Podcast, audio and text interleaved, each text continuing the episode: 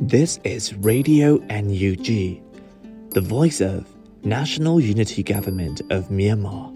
broadcasting for Myanmar Spring Revolution. Radio NUG is transmitting from shortwave 16 meter 17.71 megahertz at 8 a.m. and 25 meter 11.965 megahertz at 8 p.m. Myanmar Standard Time. မင်္ဂလာပါခင်ဗျာအမျိုးသားညီညွတ်ရေးအစိုးရရဲ့အတန်လွင့်ဌာန Radio NUG ကိုမနက်၈နာရီမှာလိုင်းတို16မီတာ17.7 MHz ညပိုင်း၈နာရီမှာလိုင်းတို25မီတာ17.665 MHz တို့မှာဓာတ်ရိုက်ဖမ်းယူနားဆင်နိုင်ပါပြီမင်္ဂလာအပေါင်းနဲ့ပြည့်စုံကြပါစေအခုချိန်ကစပြီး Radio NUG အစီအစဉ်တွေကိုဓာတ်ရိုက်အတန်လွှင့်ပေးနေပါပြီ။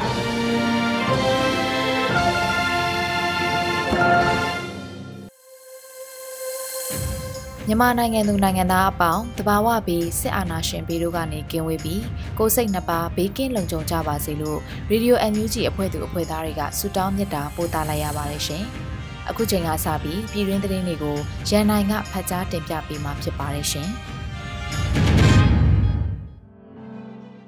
မင်္ဂလာပါခင်ဗျာ။အခုချိန်ကစပြီး Radio NUG ညခင်းသတင်းတွေကိုဖတ်ကြားတင်ပြပေးပါတော့မယ်ခင်ဗျာ။အခုတင်ပြပေးမယ့်သတင်းတွေကတော့ ရေဒီယို NUG သတင်းတာဝန်ခံတွေနဲ့ခိုင်လုံတဲ့မိဘသတင်းရင်းမြစ်တွေကအခြေခံထားတာဖြစ်ပါတယ်ကျွန်တော်ကတော့ရန်နိုင်ပါမြန်မာဘက်မှဘုံများကြလာမှာကို ထိုင်းဒေသခံများစိုးရိမ်နေတဲ့ဆိုတဲ့သတင်းကိုလည်းတင်ဆက်ပေးပါောင်းမယ်ထိုင်းမြန်မာနယ်စပ်မှာတက်ခရိုင်ရှိမဲဆောက်နဲ့ဖော့ဖရာတို့မှာနေထိုင်နေကြတဲ့ထိုင်းနိုင်ငံသားများကမြန်မာစစ်အုပ်စုတပ်ဖွဲ့ဝင်တွေနဲ့ကရင်အမျိုးသားအစည်းအရုံး KNU တို့ကြား အချိန်ကြာနေတဲ့တိုက်ပွဲတွေကနေဘုံတွေကျလာမှာကိုစိုးရိမ်နေကြပါတယ်။တခရိုင်နဲ့မျက်နှာချင်းဆိုင်မှာတိုက်ပွဲတွေမှာနှစ်ပတ်ကျော်ကြာအောင်လက်နက်ကြီးတွေနဲ့ပစ်ခတ်နေပြီးတိုက်ပွဲအရှိန်ပြင်းထန်ကတလင်းလာနေ့မှာနှစ်ဖက်အထိကိများရှိခဲ့ပါတယ်။ထိုင်းဘက်ကိုထွက်ပြေးကြတဲ့မြန်မာစစ်ရှောင်း၃ယောက်လည်းဘုံစံထိမှန်ကဒဏ်ရာအပြင်းထန်ရထားပြီးသူတို့ကတော့မဲဆောက်ဆေးရုံမှာကုသမှုပေးနေပါတယ်။ဗိုလ်ရုံးနေမနက်ပိုင်းမှာလည်းမဲဆောက်မြို့တပ်ဆိုင်ရာတွေကစစ်ရှောင်းကရင်ဒုက္ခသည်1015ယောက်ကို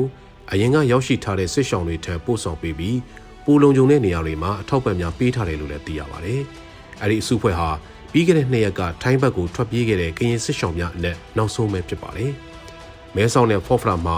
နေဆက်နဲ့နီးတဲ့ရွာတွေမှာလက်နက်ငယ်ကြီးတွေနဲ့လက်နက်ကြီးကြီးများကြားရောက်ပြီးတဲ့နောက်ပိုင်းထိုင်းစစ်သားများကလည်းယာယီစခန်းများပြုလုပ်ပြီးဒေသခံများကိုကာကွယ်ပေးနေရတယ်လို့သိရပါတယ်ခင်ဗျာ။ရှမ်းပြည်မှာ ဝင်းမြူရေးပြောင်းအောင်တွေဖျက်ဆီးခံရမှုပိုများလာနေတယ်ဆိုတဲ့အကြောင်းကိုတင်ဆက်ပေးပါမယ်။2021ခုနှစ်အတွင်းရွှေပြောင်းမွေးမြူတဲ့ပြောင်းအောင်တွေတနိုင်ငံလုံးတိုင်းတာနဲ့ဖျက်ဆီးခံရမှုပိုများလာပြီးဝင်ကြီးဌာနပိုင်းဘက်ကကူညီကာကွယ်ပေးမှုတွေလုံးဝမရှိဘူးလို့ပုဂ္ဂလိကပြောင်းမွေးမြူသူတွေကဆိုပါတယ်။ဖျက်ဆီးခံရတဲ့အထက်မှာမှရှမ်းပြည်နယ်ဟာအဆိုးရွားဆုံးဖြစ်နေပါတယ်။ရန်ကားသူအချို့ကြောင့်နှစ်စင်လိုလိုတနိုင်ငံလုံးအတိုင်းတာနဲ့ပြောင်းအောင်ပေါင်းထောင်ချီဖျက်ဆီးခံရပေမယ့် အခုရှမ်းပြည်မြောက်ပိုင်းရှိနောင်ချုံမြို့ကပန်းနှံပြားစကြက်တစ်ခုမှတင်ပြောင်းပေါင်း100ကျော်အထိဖျက်ဆီးခံခဲ့ရတာဖြစ်ပါတယ်။ဝေးရီစုပြားရရဲ့ဝုံမုံကူဝန်ဆောင်မှုအကြောင်းကိုနားမလည်ကြတာကအဓိကပြဿနာပဲဗျ။အဲ့ဒီခါကျတော့ဒီပြားတွေကြောင့်သူတို့စိုက်ခင်းတွေပျက်စီးတယ်ဆိုတဲ့အတွေးကြောင့်ပြောင်းတွေဖျက်ဆီးခံရတာ။မိဘုံရှို့တယ်၊ပိုးသက်စီဖြန်းတယ်ပုံစံမျိုးစုံနဲ့ဖျက်ဆီးခံရပေမဲ့ဝင်ကြီးဌာနပိုင်းကဘာလို့မှကူညီကာကွယ်ပေးတာမရှိဘူးလို့ရှမ်းပြည်က ပြောင်းပေါင်း900မွေးမြူထားသူပုဂ္ဂလိကလုပ်ငန်းရှင်တဦးကပြောပါတယ်။အဲဒီလိုပြောင်းအောင်ဖျက်ဆီးခံရမှုတွေဟာပြောင်းမွေးမြူရေးဌာနစတင်ဖွဲ့စည်းတဲ့1982ခုနှစ်ကတည်းကစတင်ကြုံတွေ့ခဲ့ရတာဖြစ်ပြီးအစိုးရအဆက်ဆက်ကထီထီရောက်ရောက်ကင်တွယ်ဖြည့်ရှင်းနိုင်ခဲ့တယ်လို့ LND အစိုးရလက်ထက်မှာဖြည့်ရှင်းနိုင်ဖို့စီမံချက်တွေချထားပေမဲ့စစ်တပ်အာဏာသိမ်းမှုကြောင့်အကူအညီမဖြစ်ခဲ့ဘူးလို့လုပ်ငန်းရှင်တွေကထောက်ပြနေပါတယ်။ 2019-2020ဘဏ္ဍာရေးနှစ်အထိမြန်မာတိုင်းနိုင်ငံလုံးမှာမွေးမြူရေးပြားအောင်ပေါင်းတသိန်းခွဲကျော်တည်ရှိပြီးပုဂ္ဂလိကမွေးမြူသူထောင်ထဲချီရှိခဲ့ပေမဲ့2020ခုနှစ်နင်းလယ်ပိုင်းကဖြစ်ပွားခဲ့တဲ့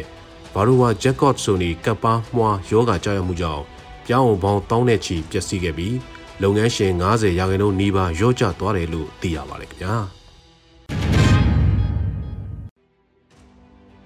ဆလဘီ 2020 2021ဘဏ္ဍာနှစ်မှာခီးသွွားအခြေပြုအမတလုပ်ငန်းရဲ့ဝင်ငွေအလုံးစုံကျပ်10ဘီလီယံအထိအရှုံးပေါ်တဲ့သတင်းကိုတင်ဆက်ပေးပါမယ်။ပြီးခဲ့တဲ့2020-2021ဘဏ္ဍာနှစ်မှာရန်ကုန် Stock Exchange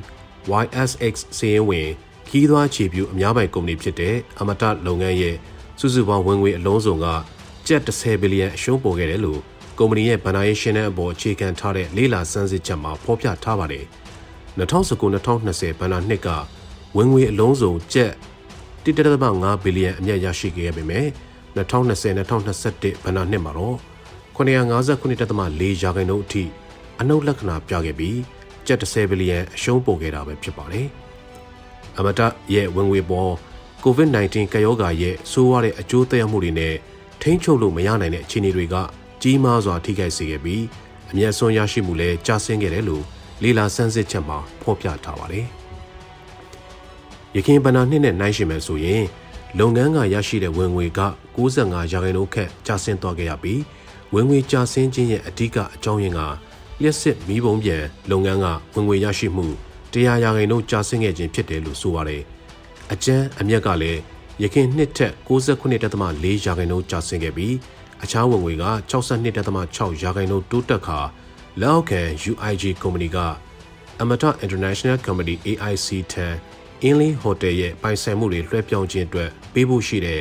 ကျပ်2ဘီလီယံကိုစည်ရင်းချေမှုပြုလုပ်ခဲ့တဲ့အတွက်ကြောင့်ဖြစ်တယ်လို့သိရပါတယ်။ရှယ်ယာရှင်တွေရဲ့စုစုပေါင်းပိုင်ဆိုင်ခွင့်လည်း2019-2020ဘဏ္ဍာနှစ်ထက်30.28ရာခိုင်နှုန်းကျဆင်းခဲ့ပြီးလက်ရှိဘဏ္ဍာနှစ်မှာတော့ကုမ္ပဏီအရှုံးပေါ်လို့ရခင်အမျက်လက်ကျန်မှကျပ်9.9ဘီလီယံကျဆင်းခဲ့ခြင်းကြောင့်ဖြစ်ပါတယ်။ လုပ်ငန်းစုမှာ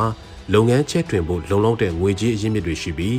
အစုရှယ်ယာရှင်များရဲ့ပိုင်ဆိုင်မှုကလည်းဗန်နာငွေဖြည့်တင်းနိုင်တယ်လို့ဟိုတယ်လုပ်ငန်းတွေချဲ့ထွင်ဖို့နိုင်ငံခြားငွေနဲ့ချေးယူထားတဲ့ချင်းငွေတွေရှိကြောင်းဥက္ကဋ္ဌဦးဝင်းအောင်ကပြောကြားထားပါတယ်ခင်ဗျာမြန်မာတတိယလန်တွေကိုယခုနှစ်ပြည်ပဝယ်ယူမှုပမာဏအနည်းငယ်သာရှိခဲ့တဲ့သတင်းကိုလည်းတင်ဆက်ပေးပါောင်းမယ်မြန်မာတတိယလန်တွေကိုယခုနှစ်ပြည်ပဝယ်ယူမှုပမာဏအနည်းငယ်သာရှိခဲ့တယ်လို့ မြန်မာနိုင်ငံတတိယလန်ပန်းမှန်နဲ့ဟင်းသီးဟင်းရွက်စိုက်ပျိုးထုတ်လုပ်တင်ပို့ရောင်းချသူများအသင်းမှသိရပါတယ်အခုနှစ်ကတော့ export သိမထွက်ဘူးနောက်နှစ်ခါတော့ပြန်ပို့နိုင်အောင်ကြိုးစားနေကြတယ်အပြည်ရင်းဈေးကွက်မှာလည်းအခြေအနေကတိတ်ကောင်းတယ်လို့ပြောလို့တော့မရဘူးလို့ MFVB ရဲ့အတွင်းရမှုဦးကျော်သူကဆိုပါတယ်မြန်မာသတိဝလံပိုးကုန်တင်ပို့မှုရဲ့90ရာခိုင်နှုန်းအထိတရုတ်ဈေးကွက်ကိုအားထားတင်ပို့နေခြင်းဖြစ်ရာကိုဗစ်ကြောင့်တရုတ်နယ်စပ်ဂိမ်းများပိတ်ထားတဲ့အတွက် အခုနှစ်သတိဝလံတင်ပို့မှုရောကျခဲ့တာဖြစ်တယ်လို့သိရပါတယ်ပြီးခဲ့တဲ့နှစ်ကမြန်မာသတိပို့ကုန်တွေကိုအင်္ဂလန် UAE အပါအဝင်ဈေးကွက်သစ်တွေချိတ်ဆက်နိုင်ခဲ့ပေမဲ့ကွန်တိန်နာရရှိမှုအခက်အခဲငှားရမ်းကဈေးကြီးမြင့်နေခြင်းနဲ့ဘဏ်ငွေရေးကြေးရေးပြဿနာတွေကြောင့်တင်ပို့နိုင်ခြင်းမရှိခဲ့ဘူးလို့လည်းသိရပါတယ်။စင်ကာပူကကလန်းနာတွေရှိတယ်။အဈေးရမရဘူး။ဈေးမရတော့မကြိုက်တော့ပြည်ရင်းမှာပဲရောင်းတယ်။တခြားဥရောပဘက်ကဝယ်မဲ့ဟာတွေကလည်းကွန်တိန်နာခက်ခဲဘဏ်ရဲ့ငွေရေးကြေးအခက်အခဲတွေနဲ့ကြတော့ပို့ဖို့မလွယ်ဖြစ်နေတာ။ ကွန်တိန်နာရဖို့ကအချိန်ဆောင်းရတယ်လို့အဈေးကလည်းအများကြီးတက်သွားတယ်လို့ဦးကျော်သူကဆိုပါတယ်။လာမယ့်2020ခုနှစ်မှာမြန်မာတတိယလန်ပို့ကုန်ဈေးကွက်အလားအလာကယောဂါဘေးနဲ့နိုင်ငံရေးအခြေအနေတို့မှာမူတည်နေကြောင်းတတိယလန်စိုက်ပျိုးထုတ်လုပ်တင်ပို့ရောင်းချသူတွေကလည်းသုံးသပ်ကြပါတယ်။မှန်းမို့တော့အတော်ခက်တယ်။ဝေတံမို့ကဒီတိုင်းပဲရှိနေမှာလား။စစ်ကြမှာလား။ပြန်တက်မှာလား။ဒီပေါ်မှာမူတည်ပြီးတော့ဈေးနှုန်းပြောင်းလဲဖြစ်သွားမယ်။နောက်တစ်ခုကနေဆက်ပိတ်ရင်တော့အထက်ခက်ခဲရဖြစ်နေဦးမှာပဲ။ကျန်တာအဆင်ပြေနေတော့မှနောက်တစ်ခုက နိုင်ငံရေးအခြေအနေထားဘယ်သူမှလည်းမမှန်းနိုင်ဘူးလေ။အဲ့ဒီပုံမှာမူတည်ပြီးတော့မှအယောင်းဝယ်ဘလို့ဖြစ်မလဲအဲ့ဒီပုံမှာပဲမူတည်တယ်အကြမ်းမြင်ပြောရမယ်ဆိုရင်တော့ဝယ်လက်တွေကဝယ်မဲလို့ဂရီပေးထထားတာတွေရှိတယ်ဝယ်လဲဝယ်ခြင်းကြတယ်ကျွန်တော်တို့ဘက်ကလည်းပို့မယ်ဆိုရင်ပို့နိုင်တဲ့အနေအထားရှိတယ်ခုနပြောတဲ့ဘဏ်ခက်ခဲတို့နိုင်ငံရေးတို့ယောဂချီနေဝေကြီးစင်းတို့လို့အဆင်ပြေရင်တော့သူ့ဘာသာထွက်သွားမှာပါလို့သူကပြောပါတယ်အဆိုပါမရေရာမှုတွေကြောင့်တတိယလန်တောင်သူတွေကစိုက်ပျိုးထုတ်လုပ်မှုကိုရှော့ချရမယ့်အနေအထားကိုရောက်ရှိနေပြီးအ ခုနှစ်မှာဖရဲတခွာစိုက်ပျိုးတောင်သူများကစိုက်ဧကတွေကို10ရာခိုင်နှုန်းဝန်းကျင်သာစိုက်ပျိုးခဲ့ကြတယ်လို့သိရပါတယ်ခင်ဗျာ။2022နှစ်ဆန်းမှစတင်ပြီး Radio NUG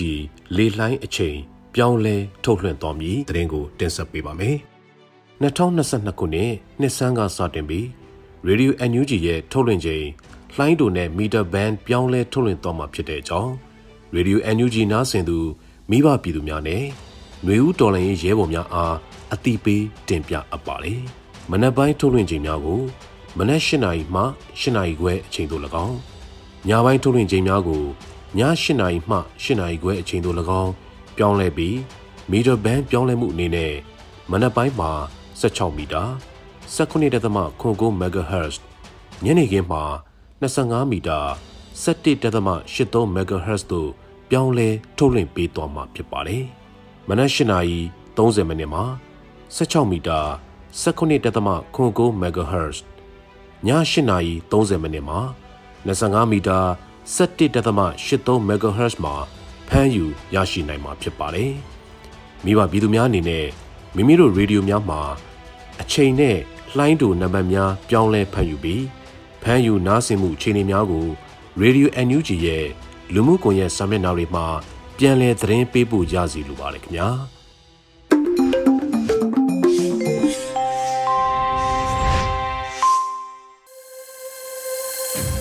ရေဒီယို NUG မှာဆက်လက်အသံလွှင့်နေပါတယ်။ကြာရှုံးနိုင်ငံအဖြစ်ကိုရှောင်လွှဲနိုင်မလားဆိုတော့မိုးမခသတင်းမြင်ကွင်းဆောင်ပါကိုຫນွေဦးမွန်ကဖတ်ကြားတင်ပြထားပါတယ်ရှင်။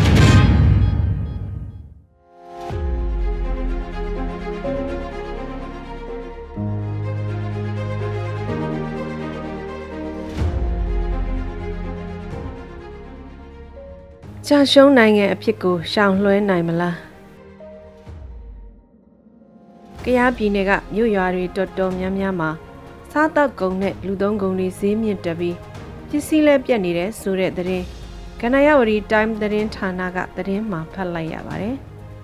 တိုက်ပွဲတွေဖြစ်ပွားနေတာစားတောက်ကုန်နဲ့လူသုံးကုန်တွေတဲ့ဆောင်ရလန်းတစ်လျှောက်မှာလက်နက်ကိုင်းတိုက်ပွဲတွေနဲ့လုံခြုံရေးနဲ့လက်နက်ကိုင်းအဖွဲ့တွေကိုခြေမုံမှုအတွက် ပိတ်ဆို့မှုဖြတ်တောက်မှုနီးဗျူဟာတွေအသုံးပြုတာကြောင့်ကုန်ပစ္စည်းသယ်ဆောင်ရောင်းချမှုလည်းမရှိသလောက်နှီးပါဖြစ်လာတဲ့အခြေအနေလို့ဆိုပါတယ်။ကယားပြည်နယ်နဲ့ဆက်ဆက်နေတဲ့ရှမ်းပြည်နယ်အင်းလေးဒေသကထွက်တဲ့ခရမ်းကျင်သီတောင်တပိတ်သား4500ကျပ်လောက်နဲ့ဝယ်စားရတဲ့အခြေအနေ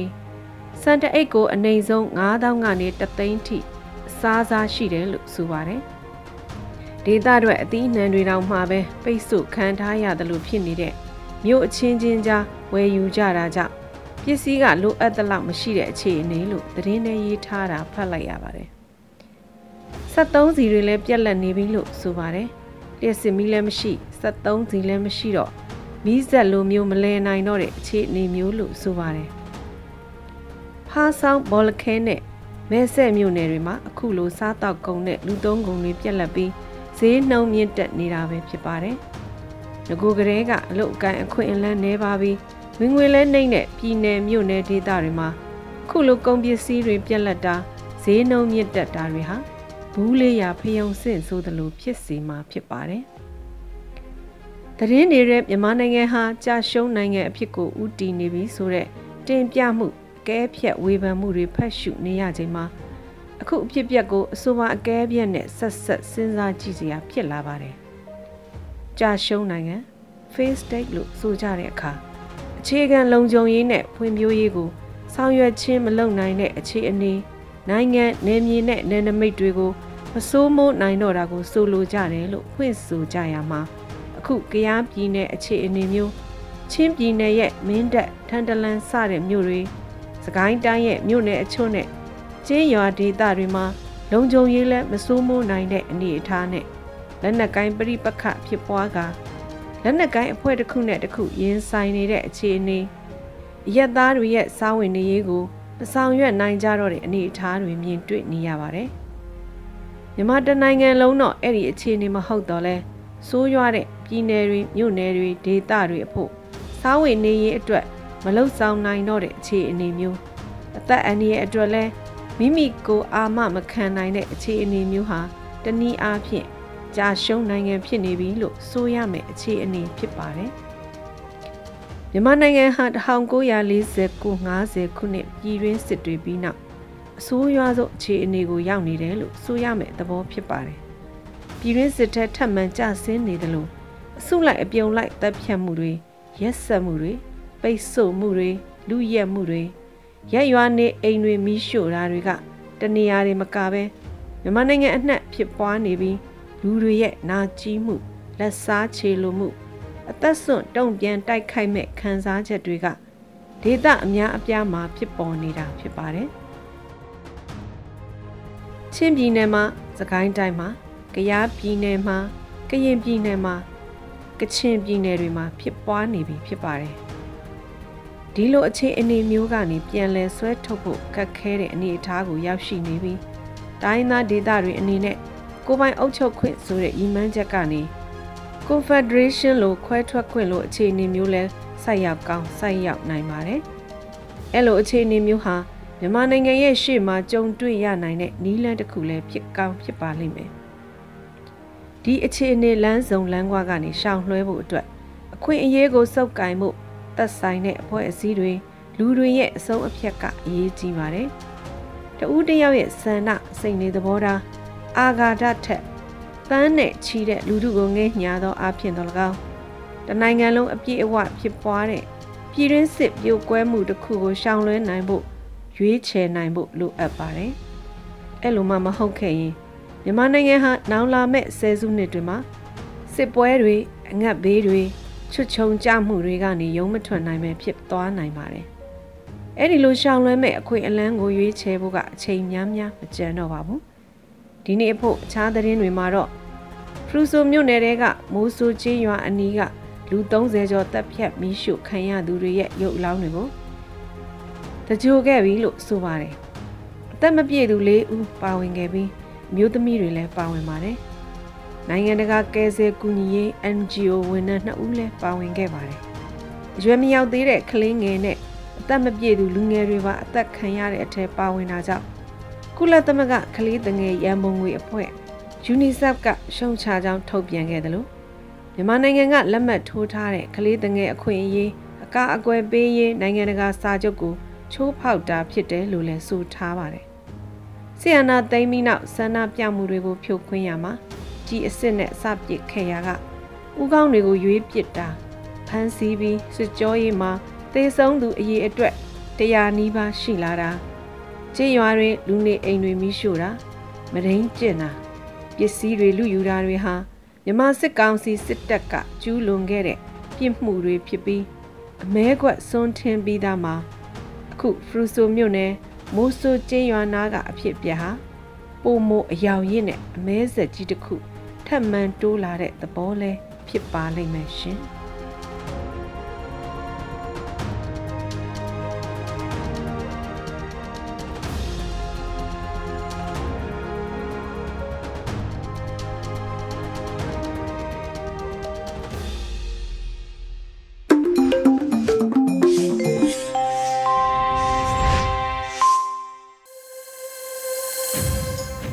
ဆက်လက်ပြီးတော်လိုင်းရေးတေးဂီတာအစီအစဉ်မှာတားဖြိုးနဲ့အဖွဲ့ဖန်တီးပုံဖော်ထားတဲ့ကျဲဆိုတဲ့တော်လိုင်းရေးအမှုပညာကိုခန်းစားနားဆင်ပေးပါအောင်ရှင်။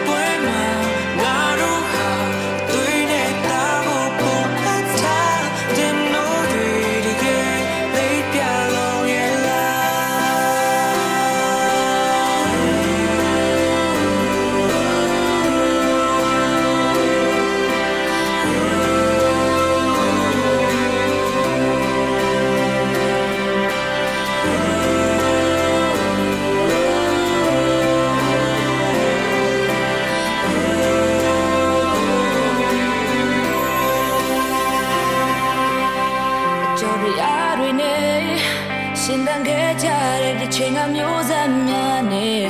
အရူရဲ့တိုက်ပွဲ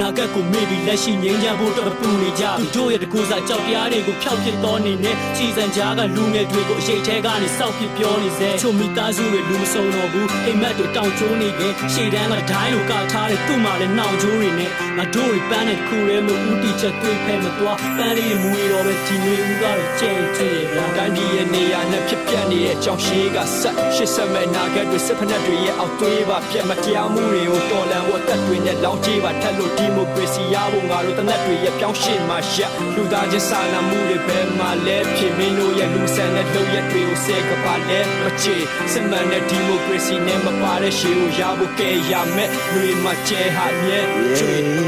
ငါတို့ကမှမမြင်ရဘူးလမ်းပြပေးတဲ့ချီငါတို့အိမ်နဲ့တူတူစားဖို့စတေးပေးတဲ့ပြန်မတည်ကြရလမ်းမကိုနင်းခဲ့တယ်ဟာ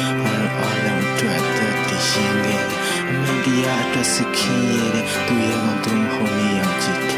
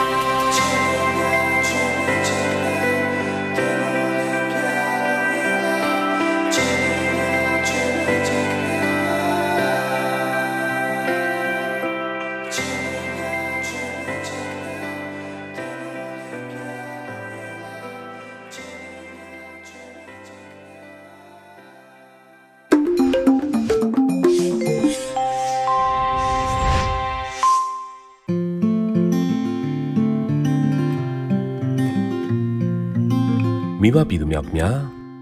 အောင်ပွဲစီတို့ခြေလန်းညီစိုးဆိုတဲ့ဆောင်းပုတ်ကိုကင်ဆွဲလို့ຫນွေဦးတော်လန်ရေးကြီးအဆုံးသက်အောင်ပွဲပြီးဆုံးသည့်အထိတိုက်ပွဲဝင်သူရဲကောင်းတွေကိုလစဉ်လာတိုင်းထောက်ပံ့ဖြည့်ဆည်းပေးမယ်ပြည်သူတော်လန်ရေးမိသားစုအစီအစဉ်မှာစတင်ပါဝင်ကူညီထောက်ပံ့နိုင်ကြပြီဖြစ်လို့အစီအစဉ်အသေးစိတ်ကိုဖော်ပြပေးလိုက်ပါတယ်ပြည်သူတော်လှန်ရေးမိသားစု PRF member ဖြစ်ဖို့ဘယ်လိုရှောက်ရမလဲ။ ကမ္ဘာနယ်ပြားမှာရှိတဲ့ OFP official fundraiser တွေကနေတဆင့်ရှောက်ထားသူရဲ့အမည် name or nickname နဲ့ email address များပေးပို့လှူဒါန်းရမှာပါ BRF member ဖြစ်ပြီဆိုတာနဲ့အတိမတ်ပြုမှတ်ပုံတင်ကတ်လေးကို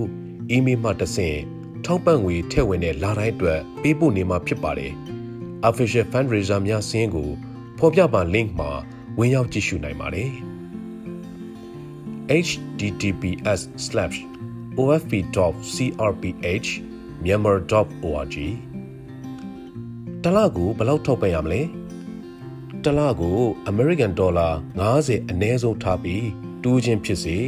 အဖွဲ့လိုက်ဖြစ်စေစုပေါင်းပြီးမိသားစုဝင်အဖြစ်ပါဝင်လှူဒန်းနိုင်ပါတယ်။လာစဉ်လာတိုင်းတရက်နေ့ရောက်တာနဲ့အလှငွေထည့်ဝင်ဖို့ကြိုတင်သတိပေးအကြောင်းကြားစာကိုအီးမေးလ်ပေးပို့သွားမှာပါ။တလားနဲ့တလားမတူတဲ့ပမာဏကိုလည်း မိမိတို့ဆက်သွယ်ထားတဲ့ fundraiser မှတစ်ဆင့်ပြောင်းလဲလှူဒန်းနိုင်ပါတယ်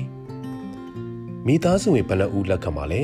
။အဖွဲ့ဝင်ဦးရေ9သိန်းအထိလက်ခံပါပါ။လာတလအတွက်အဖွဲ့ဝင်ဦးရေ9သိန်းပြည့်ပြီးပါကအဲ့ဒီလအတွက်ထပ်မံလက်ခံခြင်းမပြုတော့ပါ member ဖြစ်မဖြစ်ဘယ်လိုသိရမလဲ OFP official fundraiser တွေထံမှာအလူငွေပေးသွင်းပြီးတဲ့ PRF member တိုင်းအတွက် OFP မှာအဲ့ဒီလအတွက် digital member ကများကိုအလူရှင်များထံကိုတိုက်ရိုက် email ပေးပို့မှာဖြစ်ပါတယ်နိုင်ငံအလိုက်ငွေကြေးကွာခြားမှုကိုဘယ်လိုစီစဉ်မလဲလစဉ် OFP မှအတည်ပြုထားတဲ့နိုင်ငံအလိုက်ငွေလဲနှုံးထားများအတိုင်းမိမိတို့လှူဒန်းလိုတဲ့ပမာဏကို fundraiser မှတွက်ချက်ပေးမှာဖြစ်ပါတယ်။အလှူရှင်အမည်တူခြင်းများအတွက်ဘယ်လိုစီစဉ်ထားလဲ။အလှူရှင်များအနေနဲ့မိမိတို့ရဲ့မိသားစုဝင်ကန့်နမန်များကိုမှတ်သားထားရပါမယ်။ အမည်တူခြင်းများရှိနေနိုင်တဲ့အတွက် member ID နံပါတ်ဖြင့်သာရှာဖွေခြင်းအတည်ပြုမှတ်သားခြင်းများပြုလုပ်ပါမယ်။လာစဉ်ဘယ်ရက်အတွင်းလှူရမလဲ။ member အသစ်အနေနဲ့စတင်ဝင်ရောက်မယ်ဆိုပါကမြည်သည့်ရက်မှမဆိုထဲဝင်လှူဒန်းနိုင်ပြီးအဲ့ဒီလှူဒန်းတဲ့လအတွက် member ID ရရှိမှာဖြစ်ပါတယ်။ member ဖြစ်ပြီးသွားပါကနောက်လများအတွက်လစဉ်15ရက်နေ့အားနောက်ဆုံးထားပြီးထဲဝင်လှူဒန်းပေးရမှာဖြစ်ပါတယ်။ အလှူငွေတွေကိုဘယ်လိုအသုံးပြုမလဲ BRF member တွေရဲ့လစဉ်လှူဒန်းမှုတွေကို OFP official fundraiser များကတဆင့်အမျိုးသားညီညွတ်ရေးအစိုးရကာကွယ်ဝန်ကြီးဌာနမှဦးစီးပြီးနိုင်ငံတော်ဝန်ရှိပြည်သူတော်လှန်ရေးအဖွဲ့များသို့တိုက်ရိုက်ပေးပို့လူဒန်းသွားမှာဖြစ်ပြီးတော်လှန်ရေးကြီးအောင်မြင်ဖို့အတွက်မရှိမဖြစ်အရေးအကြီးဆုံးသောလိုအပ်ချက်များကိုသာအဓိကထားဖြည့်ဆည်းပေးသွားမှာပါအချုပ်ဆိုရရင် ပြည်သူတော်လှန်ရေးမိသားစု PRF member အစီအစဉ်ဟာအာနာရှင်စနစ်ကိုအပီးသက်ချေမုံမဲ့မျိုးဦးတော်လှန်ရေးသူရဲကောင်းတွေအတွက် Phoenix ခန့်ရဲ့အာမန်မျိုးနဲ့အနိုင်မခံအရှုံးမပေးပြည်သူတော်လှန်ရေးမိသားစုဝင်တွေအဖြစ်မှတ်ကြောက်တင်ကြံရစ်စေမဲ့အစီအစဉ်တစ်ရပ်ဖြစ်ပါတယ်။ပြည်သူတော်လှန်ရေးသူရဲကောင်းလေးတွေရဲ့အိမ်အပြန်လဲဖြောင်ပြူးဖို့သူတို့လေးတွေရဲ့မိသားစုတွေနဲ့အမြန်ဆုံးပြန်လဲစုံစည်းခွင့်ရဖို့မြန်မာပြည်သူတန်း90လုံးရဲ့ တခုတည်းသောပန်းတိုင်ဖြစ်တဲ့ຫນွေဦးအောင်ပွဲစီအမြန်ဆုံးရောက်ဖို့ကဘာအနှံ့ကပြည်သူတော်လှန်ရေးမိသားစုဝင်တွေအားလုံးလက်တွဲမြဲမြဲတွဲလို့ခြေလန်းညီညီရှောင်းလန်းနိုင်ကြစေရန်နှိုးဆော်လိုက်ရပါတယ်။ပြည်သူတော်လှန်ရေးမုတ်ချအောင်ရမည်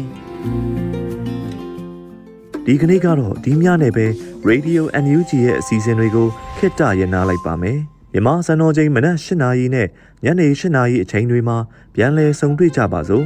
Radio NUG ကိုမနက်၈နာရီမှာလိုင်းတို16မီတာ7.3 MHz ညပိုင်း၈နာရီမှာလိုင်းတို25မီတာ17.665 MHz တို့မှာဓာတ်ရိုက်ဖမ်းယူနားဆင်နိုင်ပါပြီ။မြန်မာနိုင်ငံသူနိုင်ငံသားများကိုစိတ်နှပြကျန်းမာချမ်းသာလို့ဘေးကင်းလုံခြုံကြပါစေလို့ Radio NUG အဖွဲ့သူအဖွဲ့သားများကဆုတောင်းလိုက်ရပါတယ်။ အမျိုးသားညီညွတ်ရေးအစိုးရရဲ့စက်သွယ်ရေးတရင်အချက်အလက်နဲ့ဤပညာဝန်ကြီးဌာနကထုတ်လွှင့်နေတဲ့ Radio NUG ဖြစ်ပါတယ်။ San Francisco Bay Area အခြေစိုက်မြန်မာမိသားစုများနဲ့နိုင်ငံတကာကစေတနာရှင်များလှူအားပေးများရဲ့ Radio NUG ဖြစ်ပါတယ်။အရေးတော်ပုံအောင်ရမည်။